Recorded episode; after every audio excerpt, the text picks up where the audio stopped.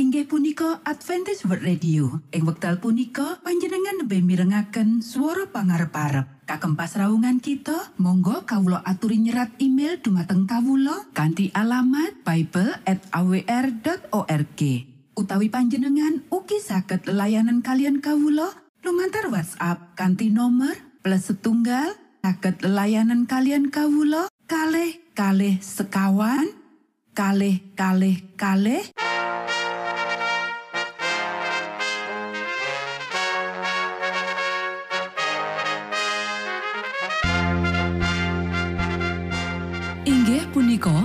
Adventist World Radio ingkang giaran kanti basa Jawi.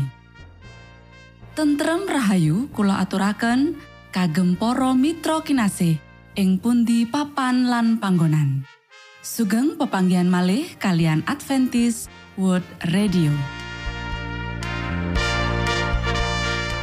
Kanti bingahing manah Kulo badi sesarengan kalian poro mitra kinasi. Lumantar saperangan adicara ingkang sampun rinonci. Mligi kagem panjenengan sami. Mugi giaran punika saged migunani tuwin dados berkah kagem kita sedoyo. Sugeng midhangetaken Gusti amberkahi.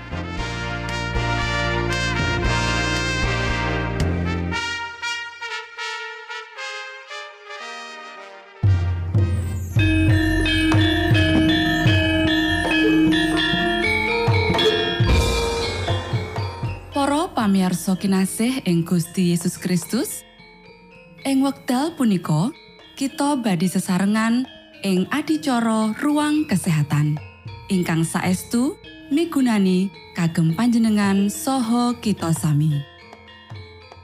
Tips utawi pitedah ingkang dipun aturaken ing program punika tetales dawuhipun Gusti ingkang dipunnyatakaken ing kitab suci. Semanten ugi sakehing seratan ingkang dipun wangsitaken dening Gusti Allah.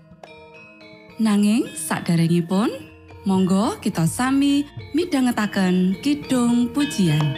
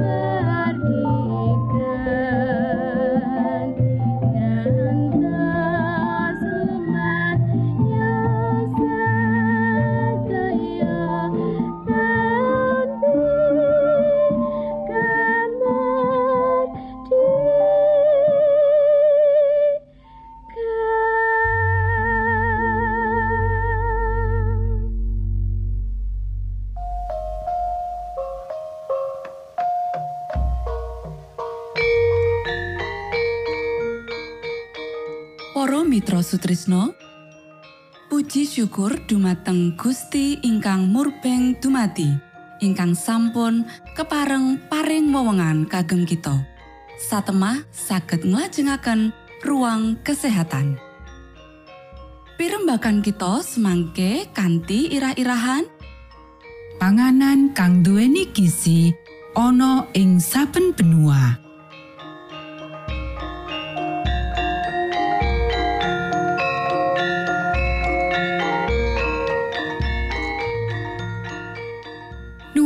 Dumateng para pamiarsa ingkang dahat kinurmatan, sugeng pepanggihan malih kalian kula Isti Kurnaidi ing adicara Ruang Kesehatan. Ing dinten punika kanthi irah-irahan panganan kang duweni gizi ana ing saben benua. Para sedherek ingkang kinasih, ayo kita mrasajakake panganan kita kanthi nggunakake intelek.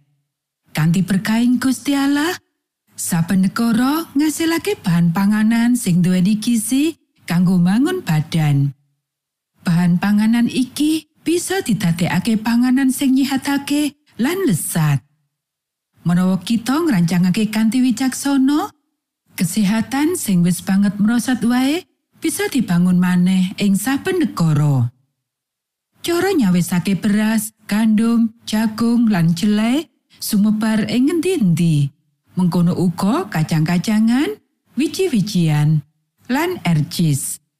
Bahan-bahan iki dikompliti karo wowohan hasil saka jero lan jaba negara lan ditambah karo maneka warna jejanganan sing tukul ing saben papan bakal menehi wewengan kanggo kita kanggo milih bahan panganan sing komplit tanpa nggunakake panganan daging. Menawa bahan-bahan iki bisa dientuki kanthi rega murah, kaya woh garing sing klebu saka woh anggur, kurma, apel, aprikot lan liya-liyane. Bahan panganan iki bisa digunakake dadi bahan panganan saben dina sing bisa dientuki kanthi bebas. Bahan panganan iki nyihatake lan menehi tenaga marang para juru karya. Para sedherek ingkang kinasih, ing daerah sing iklime panas, juru karya kudu duweni pakaryan sing rada kurang dibandingake karo daerah sing iklime adem tanpa mbedakake jenis pakaryan. Gusti Perso menawa kita iki kagawe saka lemah lempung. Para sederek, luwih sedidik gula sing dicampur menyang sakjroning panganan waktu disediakake luwih sedidik kangelan sing dialami amarga panase iklim. Para sedherek ingkang kinasih, supaya kita bisa nindakake tugas kita kanthi lurus lan jujur, kita kudu mangerteni swasana lan kahanan sing mengaruhi umat manungsa. Gusti ngenekake pacawisan kanggo wong-wong sing urip ing pirang-pirang negara ing donya iki. Wong-wong sing pengen dadi mitra pakaryaning Allah, kudu ngatekake kanthi nastiti kepiye carane mulangake reformasi kesehatan ing sakjroning kebun anggur Allah sing ombo iku. Dheweke kudu obah kanthi ngati-ati kanggo nemtokake jinis panganan opo sing kudune ora dipangan. Juru karyo kudu nyawiji karo juru tulung ilahi sakjroning menehake pawartan kadarman marang wong akeh sing bakal dislametake Gusti Allah. Para sedherek ingkang kinasih, kita orang gawe sawijining garis tertentu dadi aturan panganan. Nanging kita ngandhakake menawa ing daerah-daerah sing akeh ana wowoan, wiji-wijian lan kacang-kacangan, mula panganan daging dudu panganan kanggo umating Gusti. Gusti ngersakake supaya wong-wong sing manggon ing negara ing ngendi wowoan seger bisa dientuki setahun mubut supaya manfaatke berkah sing ana sakjroning wowoan iku. Luwih akeh kita gumantung marang wowoan seger sikro sakwise dipetik saka wite luwih gedhe kasiate. Matur nuwun, Gusti amberkahi.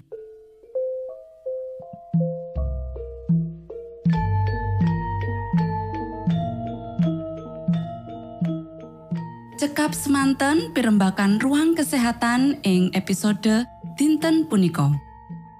Ugi sampun kuatos jalaran kita badhe pinanggih malih ing episode sak lajengipun.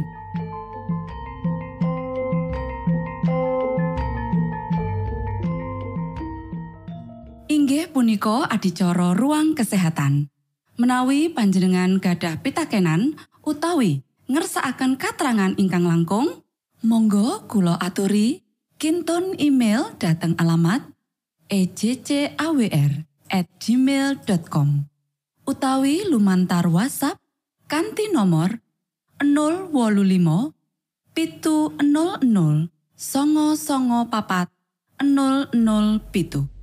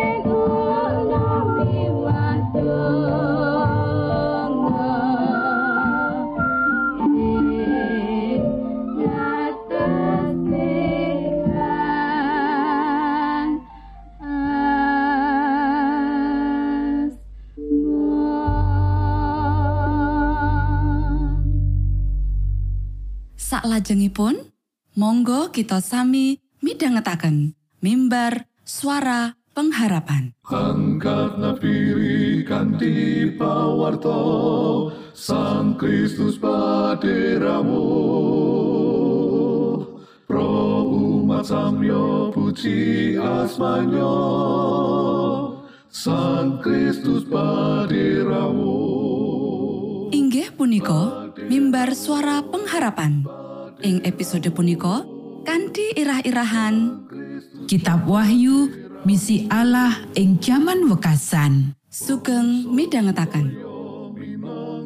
tondo Sang Kristus paderamu ilmu kawero tambah tambah. Sang Kristus paderamu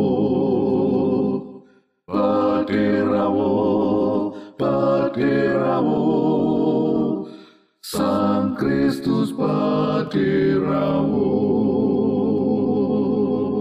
Shalom para pamiarsa ingkang kinasih wonten ing Gusti. Sakmenika kita badhe mitangetaken renungan Sabda pangandikanipun Gusti. Ing dinten punika kanthi irah-irahan Kitab Wahyu misi Allah ing jaman wekasan Para sedherek ingkang kinasih ayo diwaca kitab Wahyu pasal siji ayat siji nganti pitu. Iki wahyune Gusti Yesus Kristus kang kaparingake dening Gusti Allah marang panjenengane supaya katetahake marang para abdine bab opo kang pinasti bakal enggal kelakon. Sarta panjenengane wus metarake bab iku marang Yokanan abdine lumantar malaikat utusane. Yokanan wis nekseni bab pangandikane Gusti Allah lan bab paseksen kang kaparingake dening Gusti Yesus Kristus ya iku sabarang apa kang wis diteleng. Rahayu wong kang macaake lan para wong kang ngrungokake pangandika pamedhar wangsit iki sarta kang netepi apa kang katulisan ing jerone. Awit wektune wis cedhak. Saka Yokanan marang pasamuan pepitu kang ana ing tanah Asia cilik. Seh rahmat lan tentrem rahayu ana ing koe kabeh. Saka panjenengane kang ana lan kang wis ana sarta kang bakal rawuh apa dene saka roh pepitu kang padha ana sangareping dampar. Sarta maneh saka Gusti Yesus Kristus seksi kang setya kang dhisik dhewe wungu ana ing antarane wong mati lan kang nguwaosi saking ratu ing bumi iki. Panjenengane kang ngasihi kita lan kang wis birat dosa kita kalawan rahe lan kang wis ngangkat kita dadi sawijining karajan padha dadi imam sumaos marang Gusti Allah kang Rama iya kagem panjenengane iku kamulyan lan panguwasa nganti salawas-lawase. Amin. Kawruhana panjenengane rawuh nitih mega lan saben mripat bakal ndeleng panjenengane. Dalah wong kang wis padha nyubles panjenengane. Sarto saking bangsa ing salumahing bumi bakal sambat-sambat marga saka panjenengane. Iyo, amin. Para sedherek ingkang kinasih, sakwise nyatakake ing ayat-ayat wiwitan menawa Gusti Yesus minangka sumber lan punjere saka kitab Wahyu ing kitab Wahyu pasal siji ayat papat lan limo nyinggung katelu anggota kealahan kang makarya bebarengan kanggo nyelametake manungsa. Sang Rama yaiku pribadi kang langgeng ana nalika wiwitan mula, saiki lan nganti delahan langgeng. Sang Roh Suci sinebut pribadi kang makarya kanthi kuwasa ing antarane para pasamuan gereja ing abad wiwitan. Panjul Rasul Yohanan nyebut Gusti Yesus minangka seksi kang setya kang dhisik dhewe wungu ana ing antarane wong mati lan kang nguwaosi saking ratu ing bumi. Wahyu pasal siji ayat 5 kang kagungan hak panguwasa kang sah ing jagat proyo iki.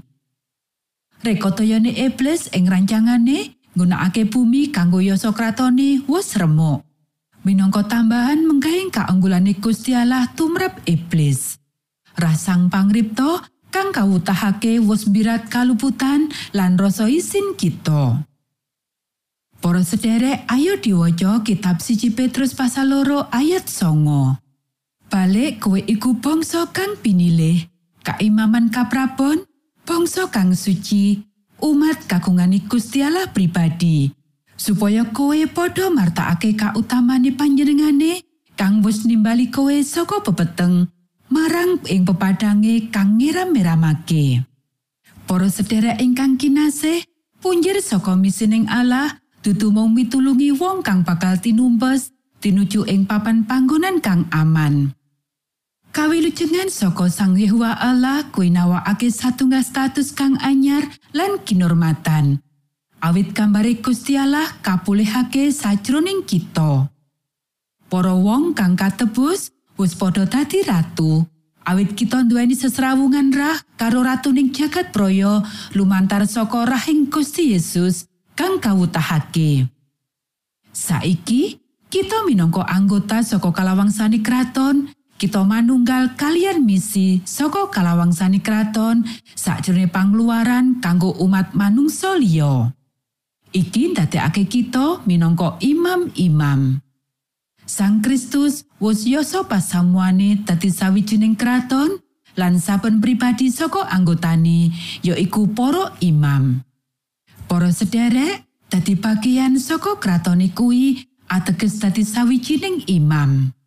Ing kitab Wahyu pasal siji ayat pitu, kita bisa ndeleng gagasan bab wikatine misi iki. Panjenengane rawuh nitih mega lan saben mripat bakal ndeleng panjenengane. Sarta saking bangsa ing salumahing bumi bakal sambat-sambat marga saka panjenengane. Karawan Gusti Yesus lan para bangsa bakal padha tetangisan awit para wong-wong bakal tinumpes. Gusti Allah kangen marang manungsa kang wis kesingsal atos saka karsaning Allah. Mula kitab Wahyu kabuka kanthi misine Allah kanggo sakabehing umat.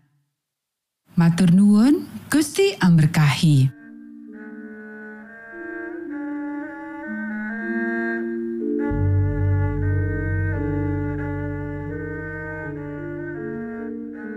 Para Mitra Sutrisno, pamiarsa kinasih ing Gusti Yesus Kristus. Sampun paripurno pasamuan kita ing dinten punika. Menawi panjenengan gadah pitakenan utawi ngersakaken seri pelajaran Alkitab suara nubuatan, monggo Kulo aturi kintun email dateng alamat ejcawr gmail.com utawi lumantar WhatsApp kanti nomor 085 pitu 00 songo songo papat 00 pitu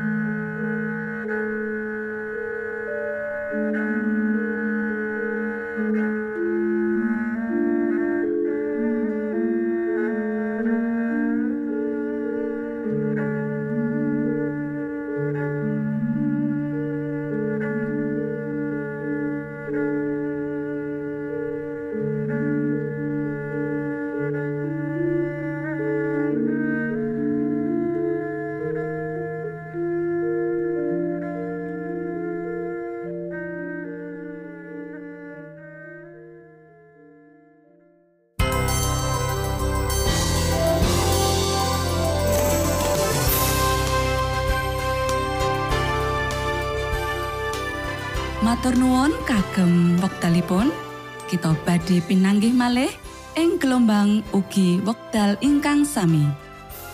Saking studio kula ngaturaken tentrem rahayu. Gusti amberkahi kita sedaya. Maranata.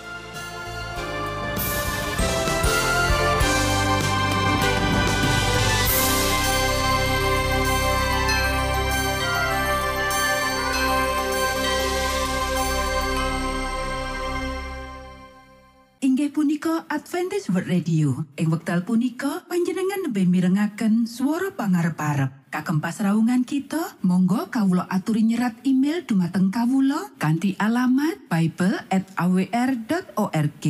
Utawi panjenengan ugi saged layanan kalian kawula lumantar WhatsApp kanthi nomor plus setunggal saged layanan kalian kawula kalih kalih sekawan kalih kalih kalih